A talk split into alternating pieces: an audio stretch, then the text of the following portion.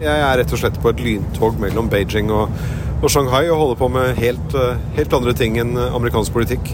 Men jeg er tilbake i, i neste uke, så dere får ha lykke til. da. Lykke til med denne episoden. Så snakkes vi. Ha det.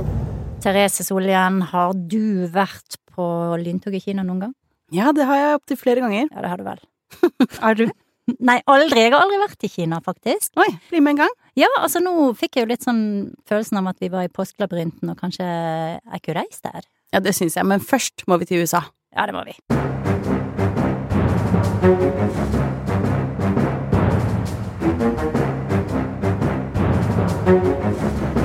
Yes, da er vi i gang, da, med en ny episode av Aftenpodden USA. Eh, jeg heter Kristina Pletten og er kommentator her i Aftenposten. Og som vi hørte, så er ikke Kristoffer her, han er langt vekke, men vi har fått en erstatter, som er min gode kollega Therese Solhjell. Hallo, hallo. Hei. Hei. Eller kanskje jeg skal si ni hao til Kristoffer, da. Ja, du kan jo snakke kinesisk. Og så er det ham de sender dit. Hvilken ironi. Og fun fact om deg, Therese, når du liksom kjeder deg på møter og sånn, så sitter du og skriver sånne små kinesiske tegn på lapper. Det har jeg sett flere ganger. Det er ikke meningen at du skal se det. Men altså, eh, meg og Therese jobber jo i samme avdeling i kommentargruppen, eh, og du har jo også en annen podkast. Eller det vil si, både du og Ulla, produsenten vår, lefler også med andre ting. Ja, noen av oss må jo drive med det som er aller viktigst her i livet, ja. nemlig populærkultur. Poprådet lager vi. Ja, det gjør dere. Men i dag har vi fått låne deg til å snakke om litt sånn populærkultur og litt mer alvorlige ting. Og så har vi også med oss fra klesskapet i Washington DC.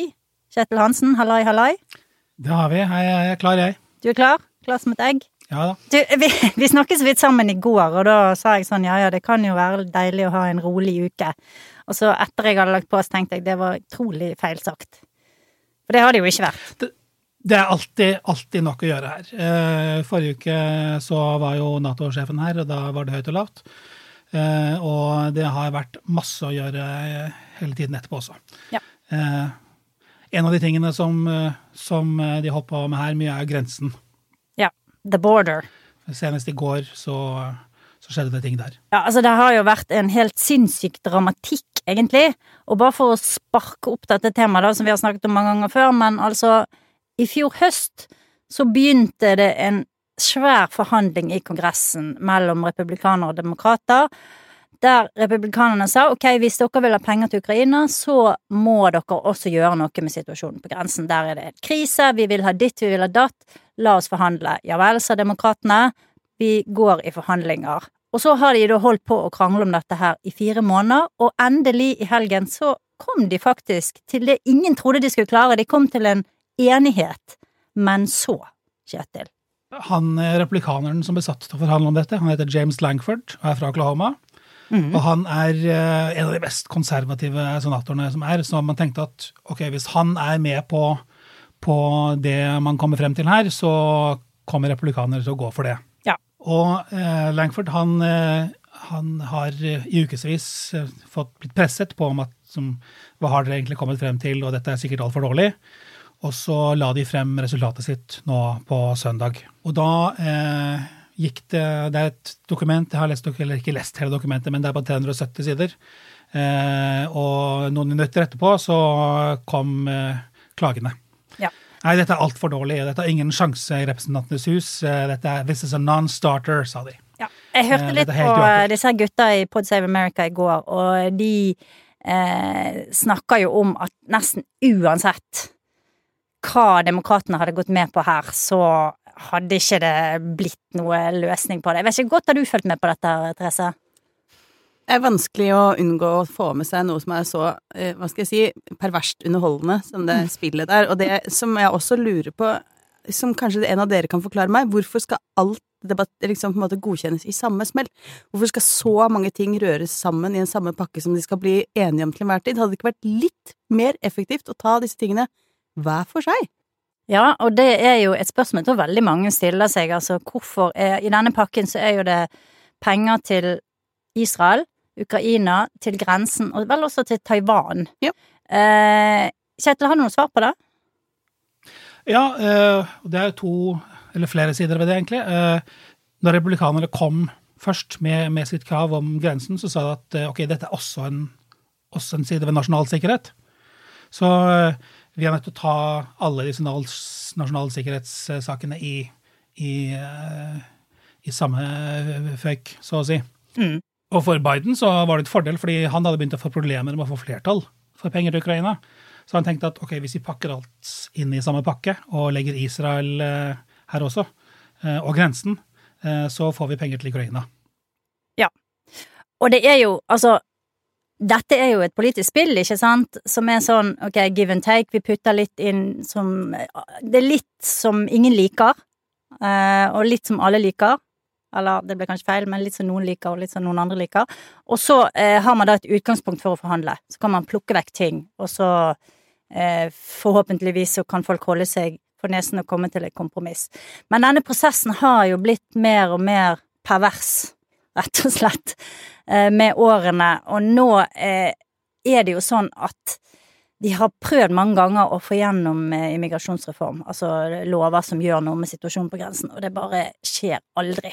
Jeg tror til og med Marco Rubio for mange år siden, senatoren fra din andre hjemstat, Florida, var involvert i dette en gang. Det var kanskje når du bodde der borte, da? Nei, det var litt etter min tid. Jeg flyttet hjem Jeg flyttet dit da Obama ble president i 2008, og hjem igjen da Trump ble president i 2014, så jeg gikk dessverre glipp av Marco Rubios glansdager. Det, eh, det, det, lever jeg i og for seg godt med, men det lyder absolutt som noe vår kjære Marco Rubio kunne ha funnet på å gjøre, ja. Mm. Han var involvert i hvert fall, han med en eh, gruppe, en sånn tverrpolitisk gruppe, og prøvde å få til noe, og ble nærmest eh, spiddet. Og nå er det jo sånn, Kjetil, at eh, Der er vel en del republikanere som mener det at bare det at demokrater og republikanere sammen har kommet frem til noe, er nok til å liksom stemme mot det nesten uansett hva som er i, i, eh, i, i lovforslaget. Jeg tror Josh Hawley, blant annet eh, senatoren, var vel inne på noe sånt. Altså Som stemningen er nå, så er det sånn. De stemmer mot uansett. Og det, denne pakken er den er sånn at Veldig mange demokrater misliker den sterkt. Det er penger til mur. Det er 6,5 ja. milliarder til, eh, til, å bygge mur og gjerde mot Mexico. Eh, det er egne regler som gjør at folk ikke får lov å søke asyl når de kommer. Hvis, hvis, det overstiger 5000, hvis man overstiger pågripelser av 5000 om dagen, så kan presidenten bestemme at ingen får lov å søke om asyl engang. Alle skal bare rett ut. Mm. Det er 50 eh, eh, altså 1000 flere sengeplasser i asylmottak på grensen for å slippe, slippe folk inn i landet. Så det er, liksom, det er et langt steg. Eh, sett utenfra så vil jeg si at det er et langt steg for republikanerne. Og det er jo, altså Demokratene snakker jo om grensen nå på en måte som de ikke gjorde for bare noen få år siden. Da var det jo stor motstand mot Trumps retorikk om å bygge mur, og om liksom at dette er en krise, og eh, det ble nærmest gjort narr av Trump og hans eh, partifeller for måten de snakket om det. Nå snakker demokratene sånn selv, opplever jeg i, i stor grad. de snakker du? om, de sier krise, ja. de sier kaos. Ja. Eh, de snakker på samme måte Nasjonal om sikkerhet. problemet. Ja. Men så um, skjedde jo det at uh, Donald Trump i forrige uke, eller i hvert fall en ganske nylig, signaliserte klart at han ikke ville ha noe eh, ordning på grensen, fordi at han vil bruke dette her i valgkampen. Det er hans kanskje sterkeste kort i valgkampen, så han har lusket i kulissene her. Og så samtidig så har altså republikanerne forsøkt å stille mannen som er ansvarlig for sikkerheten på grensen, eh, Mallorcas, for riksrett. Og det gikk òg ad undas. Hva skjedde der, Kjetil? Nei, dette er jo uh, sikkerhetsminister Alejandro Mallorcas. Uh, han, uh, det var da hun representanten fra Georgia, Marjorie Taylor Green, som la inn mistillitsforslag mot ham. Ja. En gammel kjenning. Og påst en gammel kjenning. og påstanden er jo da at, at han ved den såkalte catch and release-politikken, altså at asylsøkere får lov til å slippe inn i landet mens de venter på på asylsaken kommer opp for domstolen. Mm. Eh, at han eh, lar dette skje, og derfor har brutt eh, amerikanske lover. og dermed kan stilles for riksrett. Mm. Så det var en to timer lang debatt i Representantenes hus om dette i går, hvor republikanerne sa nettopp det. Og demokratene sa at dette er bare tull og tøys og bedrag. Og man gjør akkurat det samme som alle andre sikkerhetsministre har gjort de siste 30 år. Og dette, han ble bestilt for riksrett fordi han er uenig med republikanerne. Men det var jo noen republikanere som eh, gikk mot sitt eget parti i denne saken. Yes, Det var fire stykker til slutt som Ja. gjorde at eh, han så vidt da ikke ble stilt for riksrett. Ja, så ingen god uke for republikanerne. Men samtidig, Therese, fra et konservativt standpunkt, som vi kan si at du, eh, du kan få lov å representere her i dag, eh, så er jo dette her, denne innrømmelsen av eh, eh, hvor skadelig immigrasjonsproblematikken faktisk er for eh, venstresidens politikere. Det samme gjelder jo i stor grad i Europa. Eh, det representerer jo en stor innrømmelse og eh, kanskje en sånn blinkende rød lampe for både europeiske og amerikanske liksom, moderate venstrepartier. Ja, det er jo ikke heldig at man bruker uttrykk fra sportsfiske, for eksempel, som catch and release i så alvorlige spørsmål. Men jeg tror jo ikke man kan eh, Man kan ikke underkjenne de store problemene som følger ved at innvandringen til USA er blitt så høy. For den, den er jo blitt betydelig høyere på ganske kort tid, eh, og at den er ukontrollert. Det- det- Der er det jo et reelt problem, uansett hvor man står i politikken. At man må Mm. vedkjenne at her, sånn kan vi ikke ha det. Det burde jo være, eh, burde være lett å enes om. Så er spørsmålet ok, hva gjør vi da? Ja, Og det er der, der kommer det jo problemer, ikke sant. Og der har jo ingen noe svar. Nei. Eh, Sånn som jeg opplever det, så er det Det er veldig få politiske strømninger eller partier, eller hva jeg skal kalle det, eh, igjen over hele spekteret, som har et svar som jeg syns er tilfredsstillende, i hvert fall. Ja, altså Når man for eksempel så hvordan Dream Act til og med var kontroversiell for bare noen få Mm. år siden, ikke sant. Eh, at barn som var født og oppvokst i USA, hadde hele sin tilknytning der, selv ikke på en måte, de skulle ha en sikker status som, eh, som borgere av riket. Da, måte, da har man veldig lite forhandlingsgrunnlag, eller hva skal jeg si, delte meninger i utgangspunktet. Så det er jo ikke rart at de får problemer med å finne felles grunn her, da. Nei. Og så er jo det sånn at USAs immigrasjonsproblemer har vært litt annerledes enn Europa sine, fordi at USA er veldig avhengig av at det kommer ganske mange millioner mennesker inn, for eksempel plukker alle grønnsakene og frukten og nøtter og alt mulig. Eh, Det er store deler av amerikansk industri som er arbeidsintensiv, som trenger eh, denne arbeidskraften. Eh, de, de har gjort seg ganske avhengig av en situasjon som egentlig eh, ingen er helt fornøyd med. Ja, og så kan jo på en måte eh, USA man, Det er jo et helt annet samfunn enn det vi har i Europa. Man drar jo ikke til USA primært for å søke asyl, man drar dit for å finne en bedre fremtid. Og når grensen da er porøs, så finnes det jo på en måte en ganske utømmelig mengde mennesker som man på en måte kan regne med seiler inn i landet i jakt på den drømmen, da. Mm. På jakt etter den drømmen. I USA så eh, er det jo heller ikke det tilsvarende velferdstilbudet som vi kan skryte med her oppe i det høye nord, eh, hvor man kommer hit og på en måte skal eh, bli en del av en velferdsstat. Det er jo ikke derfor man reiser til USA. Nei. Og catch and release, som du nevnte, er jo da at man kommer over grensen, søker om asyl, og så blir man sluppet fri mens man venter på at saken skal komme opp i rettssystemet, og det kan ta mange år. Eh, og da har man jo et insentiv, da. Da tenker man ok, i løpet av de årene så kan jeg tjene masse penger og sende hjem og jobbe svart, og eh, noen vil i hvert fall tenke sånn. Eh, men um, dette her er i hvert fall et tema som kommer til å prege, tror jeg, valgkampen uansett fremover. Så dette så blir nok mye arbeid for deg her, eh, Kjetil.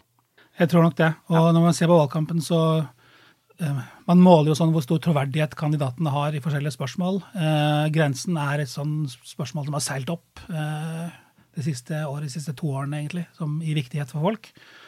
Og eh, Donald Trump, eh, der er sånn noen og 50 som eh, syns at han tror han vil gjøre en god jobb, eh, mens at det er rundt 20% som tror Biden vil gjøre en god jobb med dette. Ja, og det, han har til og med dårlige tall i sitt eget parti, Biden, når det gjelder immigrasjon.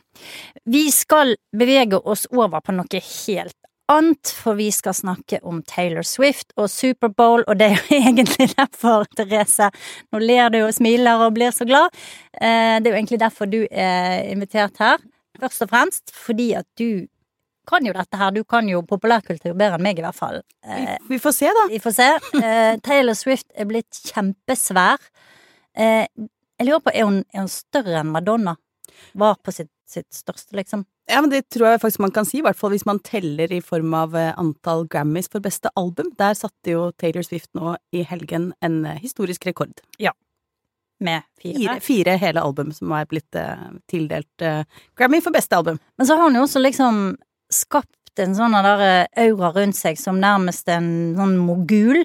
Populærkulturikon. En som skaper Altså endrer økonomien i byene hun kommer, og sånne ting. Altså, det er jo og når jeg sitter med det, jeg har prøvd mange ganger å liksom si at når jeg hører på den musikken, så skjønner ikke jeg det helt. Jeg må bare si det, og nå kommer jeg sikkert til å bli naglet til korset i Og kanskje jeg er for gammel, I don't know, men jeg synes, ja, det er helt greit. Men er det så fantastisk? Ja, jeg eh, er jo ikke noe Swifty selv. Jeg er kun fascinert som, eh, som betrakter av det hele, ikke sant. Det som er litt eh, kult da, med Taylor Swift, er at hun er jo en virkelig en enmannsbedrift med, med et ordentlig geni, altså. Mm. Ikke sånn at hun bare er en marionett som er blitt styrt av veldig flinke, mektige folk i musikkindustrien. Tvert imot, en jente som med ganske stor selvtillit, som bare, bare barnet, valset inn i et, et, et platestudio og sa Hei, jeg er deres neste stjerne. Hun skriver sine egne sanger. Hun har en eh, ekstrem evne til å skrive tekster som gjør at publikummet tror at de kjenner henne. Legger ut sånne små sånne påskeegg, ikke sant, som de kan Mm. oppdage, og det skjønner referansen, de føler en tilhørighet til henne. Så hun er America's sweetheart. Genial, og er i tillegg sånn som har hatt en evne til å appellere både gjennom countrymusikken hennes, sin, Ja, for hun begynte der. hun begynte med countrymusikk. Ja. Eh, til også å appellere til folk i såkalt flyover country. Ikke sant? Og Det er et fælt, den fælt begrep. Ja, det er flyover country. Men du skjønner hva jeg mener når Ja, jeg sier det? For du har ja. Fløyet over der. Jeg har landet der òg mange ganger. Ja da, det, det er er en del av USA som gjør at det er fint å ha vindusseter som man kan sitte og se ned på. Ja, nemlig. Men eh, i tillegg til at du har den store glamouren som nettopp gjør at hun fyller opp de største stadionene i kjempestore byer verden over. Men nå er hun jo blitt sammen med det mest erkeamerikanske man kan eh, bli, nemlig den amerikanske fotballstjernen Travis Kelsey. Ja. Og han skal spille Superbowl på søndag. Og Kjetil, du er vel er du, no, du er vel kanskje ikke en Swifty, men du er blitt en fan av amerikansk fotball, utrolig nok, vil jeg si. Så Ja, jeg har, jeg har, jo, jeg har jo en, jeg har jo en datter på 27 som uh, ligger Taylor Swift, så at jeg har nødt til å sette meg litt inn i det. da. Og så er det jo en kino rett ved siden her jeg bor, så at, uh, da den filmen kom i fjor høst, sant, så sto jo jentene foran uh, kinoen og film, hadde liksom kledd seg litt ut og filmet seg selv mens de ventet på før de gikk inn på kinoen og sånn, og danset og holdt på. Og så har jeg vært og sett filmen bare for å se om jeg kunne forstå noe, hva dette er. Og jeg tenker at du, Kristian, du avslørte jo alderen ja, alderssegmentet mitt og ditt eh, da du spurte om er hun like stor som Madonna. Eh, eh, Ja, men Madonna var jo den eneste jeg kan tenke på som har liksom har hatt samme Men- posisjon men en gang at- da i tiden, men kanskje ikke hun på en måte så heller. hadde hun det, men jeg, jeg tenker at det er en sånn, det er litt større intensitet da, Ja. blant ja. fansen til Taylor Swift, blant disse Swiftiesene.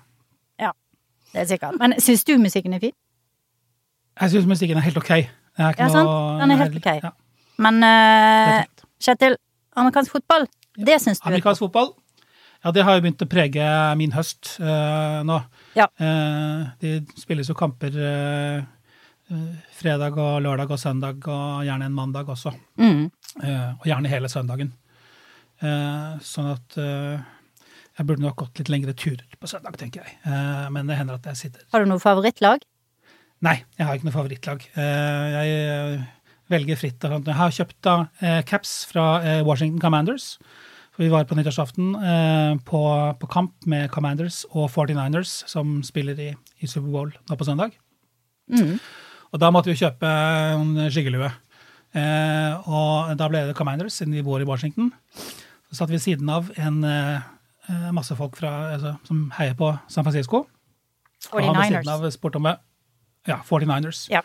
Og han som satt ved siden av, han spurte om jeg var liksom, Commanders-fan. Nei, så jeg, jeg, jeg bor nå her, da.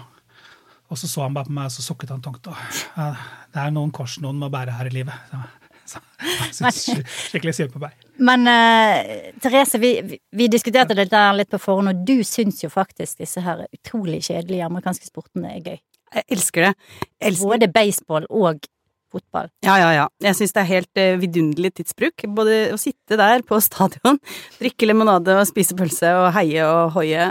Og så er det jo litt Når det gjelder baseball, vil jeg bare si at en av eh, de virkelig sjarmerende sidene ved baseball er at det er ikke meningen at du skal se hele kampen. Sant? Du går eh, når du er fornøyd. Det kan jo vare i i det uendelige. Mm. Så du drar dit litt som en tur i parken, sitter der, så spiser en pølse, så kan du dra hjem igjen. Kjempekult. Men når det gjelder fotball, så er det jo litt annet, for det er så spennende. Det, er, det kan snu så fort, ikke sant? Og, eh, ja, nei, jeg, særlig på college-nivå så er det jo eh, en utrolig rufsete sport. Med mye, med mye, mye halvslåssing og dårlig oppførsel. Det liker jo jeg, selvfølgelig. Jeg husker en gang eh, da mitt elendige fotballag på mitt universitet, da, Florida International University, vårt lag vant over et lag fra Sør- Sør-Florida. Og vi hadde det så hyggelig på vei ut. Da kom noen av supporterne bort til oss på vei ut og sa de sånn just wanna say y'all suck. Å, det er god dag, altså. Men, men fotballen er jo, altså amerikanske fotballen, eh, er jo en kjempesvær del av amerikansk kultur, hvis vi kan kalle det det. Og jeg tenker at det er noe med at amerikanerne var masse forskjellige folk som kom sammen eh, i dette landet og skulle prøve å lage seg en kultur.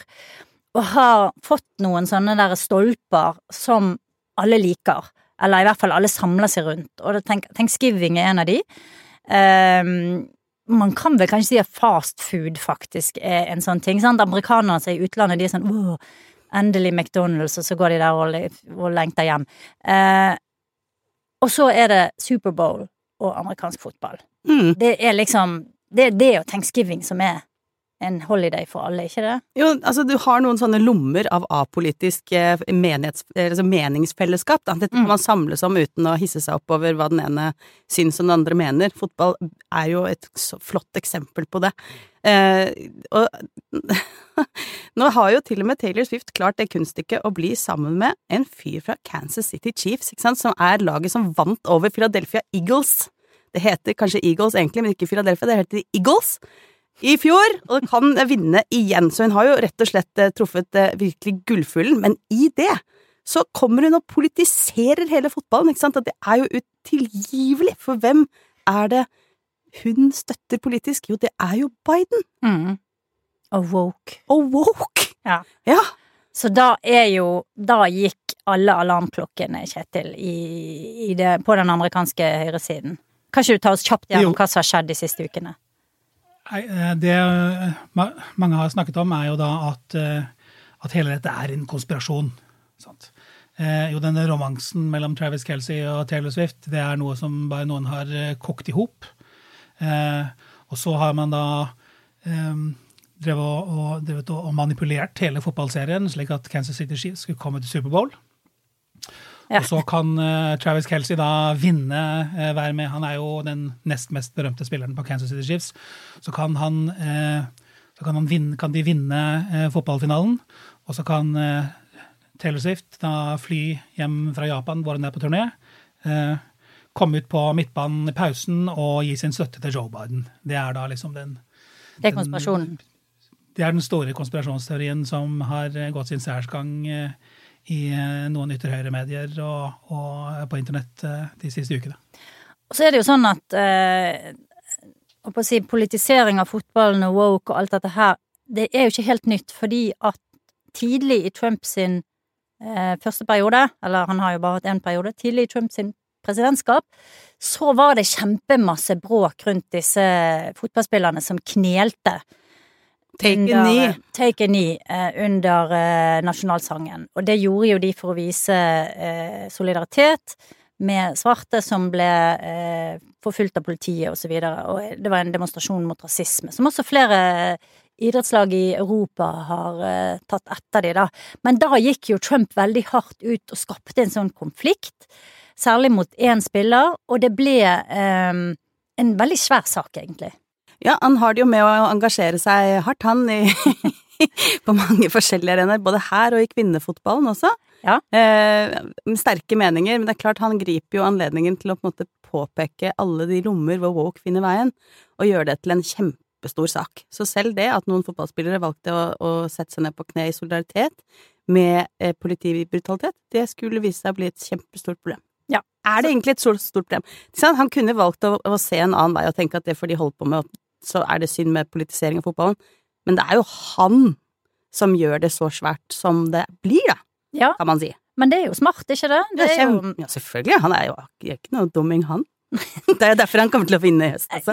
Ja, du tror det? Ja, jeg tror det. Altså, fordi det han gjør er jo å trekke politikken inn i sånne hverdagslige ting som folk faktisk bryr seg om, Ja. istedenfor å snakke om liksom handelstariffer, klimautslipp Snork, og- ikke sant. Så trekker han det inn på et sted som folk er sånn oi, her var noe jeg, eh, jeg kan bry meg om. Ja. Det, kunne sikkert gjort det om de isglatte veiene i Oslo også, hvis han hadde vært her, ikke sant. Det er, men det er Da, da skulle jeg ha stemt på han, hvis han hadde klart å få vekk i gatene. Da skulle jeg ha stemt på Jeg visste det var Jeg visste også at du hadde en grense. Men, eh, nei, men det er jo noe med at det er jo litt av hans geni. Hadde han holdt seg til litt sånn kommunesammenslåingsreformen og sånne ting som mange politikere her på berget holder på med, Mm. så ville han jo aldri ha fått den størrelsen han har fått. Han har så teft Ja. i å plukke opp hva folk bryr seg om, og så blåse det opp og si at ok, hvis jeg hadde vært eh, sjefen her, så hadde det der ikke vært Jeg hadde ikke sett det der. Da skal jeg slå ned på det. Skal jeg rydde opp i det? Skal ting bli bedre? Mm. Klart det funker. Det funker kjempegodt, og det er personkonflikter, og det er også noe som media kan ta fatt i. Det er liksom red meat for mediene. De kan få masse trafikk. Og Kjetil, det har jo fått mye mediedekning i USA, dette har ikke det? har det. En av, en av sakene var Rolling Stone, hvor, eh, som skrev at, uh, at eh, Trump-miljøet skulle ha erklære en holy war, en hellig krig, mot eh, Taylor Swift. Mm. De hadde da eh, anonyme sitater som sa at folk i kretsen hans sier at uh, Trump sier at 'jeg er mer populær enn Taylor Swift', uh, uh, for eksempel. Så um, ja, det var en av disse kvelds-TV-vertene som, som, eh, som har disse programmene sendt på kvelden eh, gjennom uken, som kommenterte dette her. og Hun sa at eh, ok, så dette høres ut som en ganske opplagt måte å tape et valg på. Du legger deg ut med Taylor Swift. Hvis dere tror at den dype staten er skummel og kommer og skal ta dere, så bare vent til de gjør det Swifties forbanna. Det kan jo hende, altså det kan jo hende at Taylor Swift har så stor rekkevidde at hun kan faktisk påvirke valget. Men eh, jeg Det er ingen bevis, det er ingen empiri for at kjendiser faktisk klarer å påvirke valget på noen meningsfylt måte. Og det beste eksempelet på det som jeg har, er Hillary Clinton, som dro liksom den ene superstjernen etter den andre med seg rundt omkring. Beyoncé, Bruce Springsteen, det var liksom det var ikke the sky is the limit. Og allikevel så klarte Trump å slå henne med bare Kid Rock Ja, det, på sitt lag. åh, det er mørkt, altså. Men det er jeg, mener jo også at hvis man har lyst til å virkelig sjekke liksom, lodde stemningen på Taylor Swifts makt her, til å Mm. flytte velgere, så mener jeg å ha lest at da hun oppfordret folk på sin Instagram folk til å gå og registrere seg for å få stemmerett ved forrige valg, så var det 30 000 stykker som gjorde det. Ja. Og det er jo eh, en promille. Det er veldig lite, og så er det ikke sikkert sikkert alle de gikk og stemte. Nei, det er ikke sikkert. Eller stemte på den hun ville. Kanskje det til og med gikk stemte på Trump bare på trass. Det ville vært ganske typisk kan en. Trump-velger. Ja, og det er sant at det er riktig at, eh, at disse stjernene har litt begrenset rekkevidde når det gjelder å og at folk gjør nøyaktig som de sier. Mm. Eh, men men eh, de har jo da, eh, som du nevnte, jeg har vært på, på Hillary Clinton-møte med Jennifer Lopez og Mark Anthony, og det var Mm. godt med folk der. Eh, det var det. Eh, om det hjalp jo ingenting, hun tapte jo valget uansett. Men, men eh, det de har, er jo å trekke De kan trekke folk til arrangementer og liksom skape litt mer holloi om kampanjen din. Eh, de kan hjelpe til med å få samlet mer penger til valgkampen din. Mm. Og som det eksempelet med, med Taylor Swift, det var altså bare én post på Instagram, og så var det 35 000 som registrerte seg som velgere i løpet av noen timer. Sånn at, at de, har noen sånne, har noen sånne effekter, da. Ja, men så kan det også ha motsatt effekt, som Trump har brukt veldig aktivt. At han kan si sånn, ja, se alle de der Hollywood-elitene og alle de der styrtrike folkene, woke-folkene, de støtter Biden. Det er enda en grunn til å stemme på meg. Ja, ikke sant. Nok en kamp mot såkalte anywheres, som Ja. driver og liker Taylor Swift og drikker kaffelatte med havremelk. Uff Ja. meg. Ja. For en gjeng. Ja. Bedre med Kid Rock. Absolutt. Eller eh, gamle Bush, altså Bush senior. Han gjorde jo et poeng av å hoppe ut av fly med fallskjerm på til uh, Van Halens Jump, husker du det? Nei, det husker jeg ikke. Da bodde jo jeg i USA, faktisk. Ja, det sier også litt om Ja ja, her er ungdommen på plass.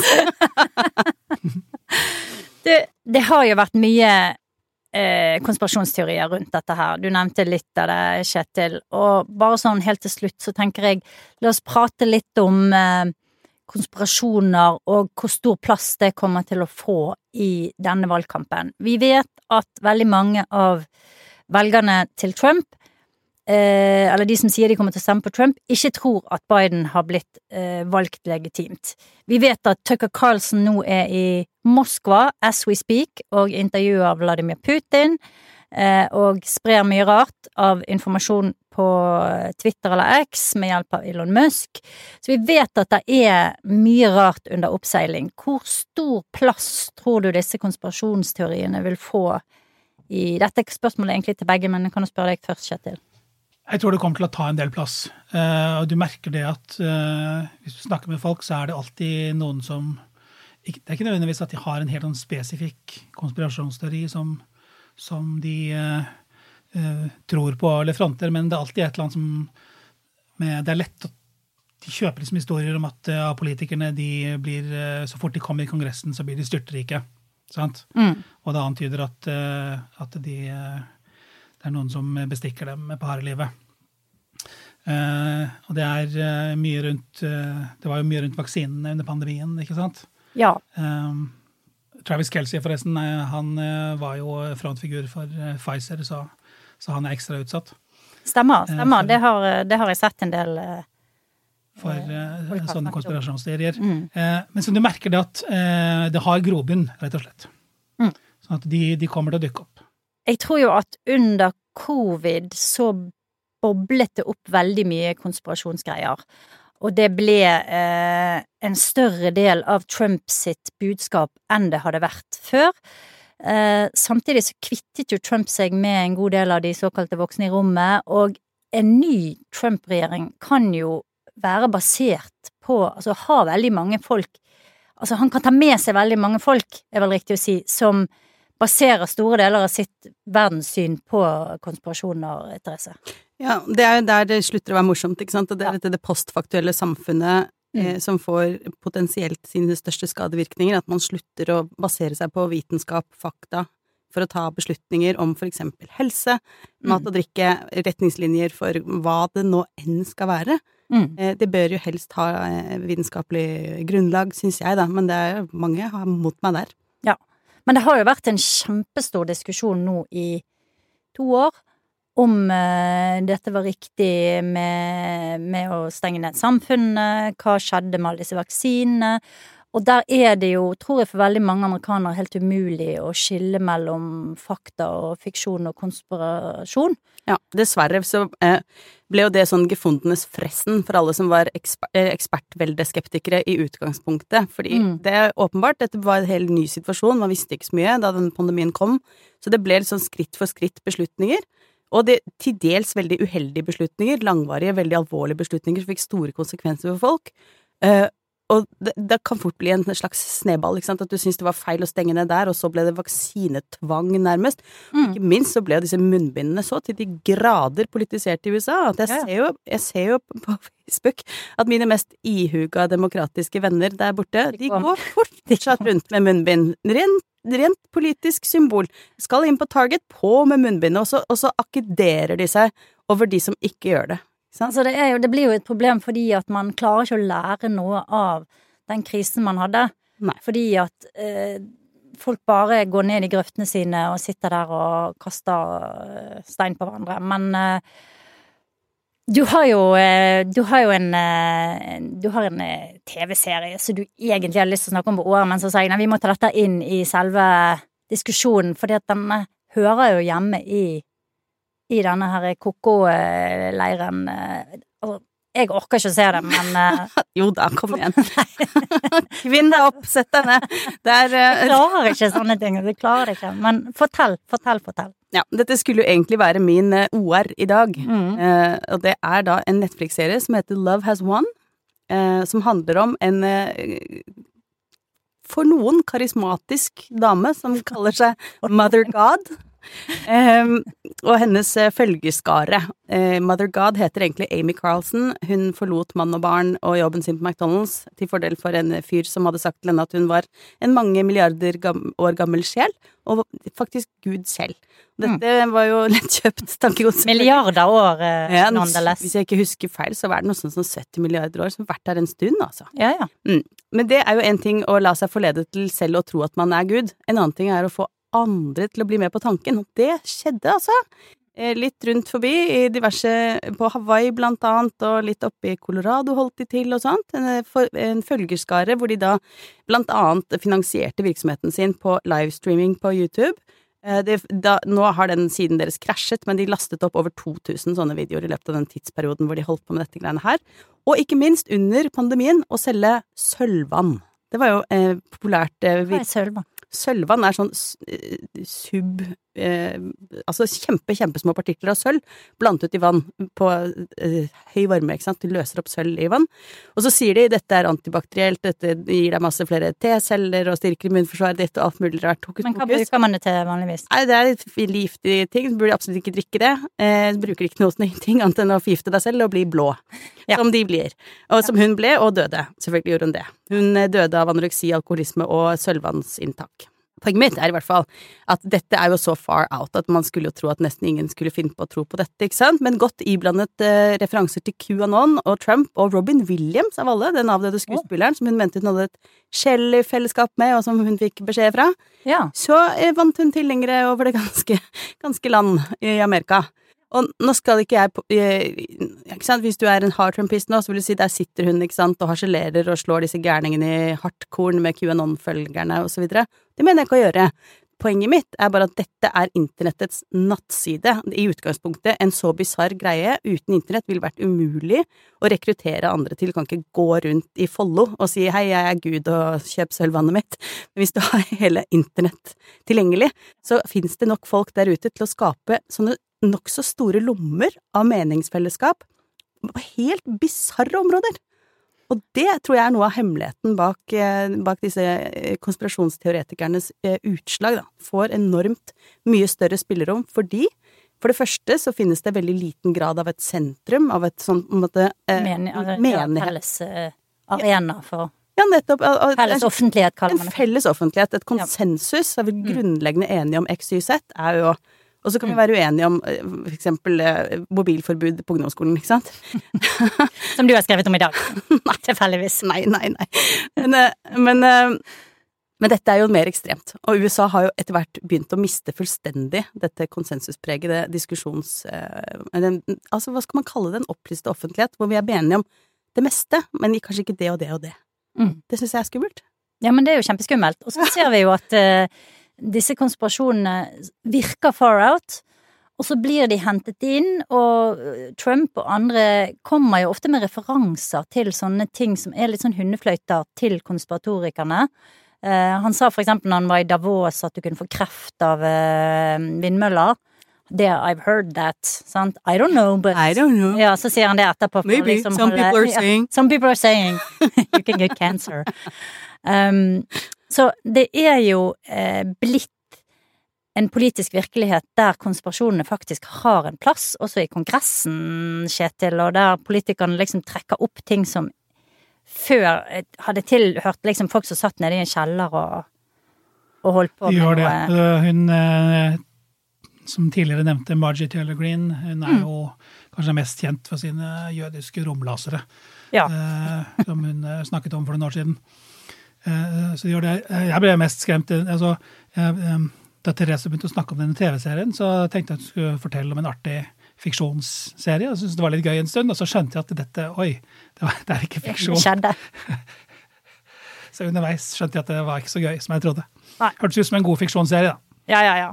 Men eh, la oss bevege oss rett videre inn i OR-en, da, siden vi liksom hadde en sånn kvasi-OR nå. Og så, eh, Kjetil, har jo du tenkt mye på eh, domstoler og hva som skjer. Jeg tenker jo fryktelig mye på domstoler. Du tenker mye på domstoler. Ja, ja, ja. Og det, eh, en av dem eh, ligger jo her i byen, eh, og det er eh, Høyesterett. Mm. Og der eh, skal de da prosedere en sak denne uken. Om, og den handler om Donald Trump kan stå på stemmesedlene. Helt konkret så er det, kommer saken fra Colorado, hvor Høyesterett har bestemt at han kan ikke det. Fordi han eh, deltok i et opprør mot USA, eh, mener de. Du intervjuet jo en av de som saksøkte Trump. Eller? Ja, denne saken den, I Høyesterett så heter den nå Trump versus Anderson, og jeg har snakket med Anderson. En veldig morsom dame på 91 år. Født republikaner og har vært republikaner hele sitt liv og sittet i delstatsforsamlingen i mange tiår. Og, og hun var ordentlig indignert. Og sa at jeg syns disse maga-folkene de kan starte sitt eget parti. Uh, de har ikke det mitt parti å gjøre, sa hun. Du, hvordan, man, hvordan ble man født republikaner? hun sa det. Hun sa begge mine foreldre var republikanere, og jeg har alltid vært republikaner. Så, ja. Skjønner. så da mente hun at da var hun født republikaner. Mm. Litt som med født med ski på beina, liksom? Ja, litt sånn som med født med ski på beina. Helt riktig. Men eh, dette her kan jo få ganske stor konsekvens for Trump. Ja, det kan det. Jeg spurte jo Anderson hva hun selv trodde om saken sin, om det var et, et, et, eh, et langskudd. Og Hun trodde jo selv da at eh, hun har 50-50 sjanse. Mm. Jeg tror nok at det er noe lavere enn det.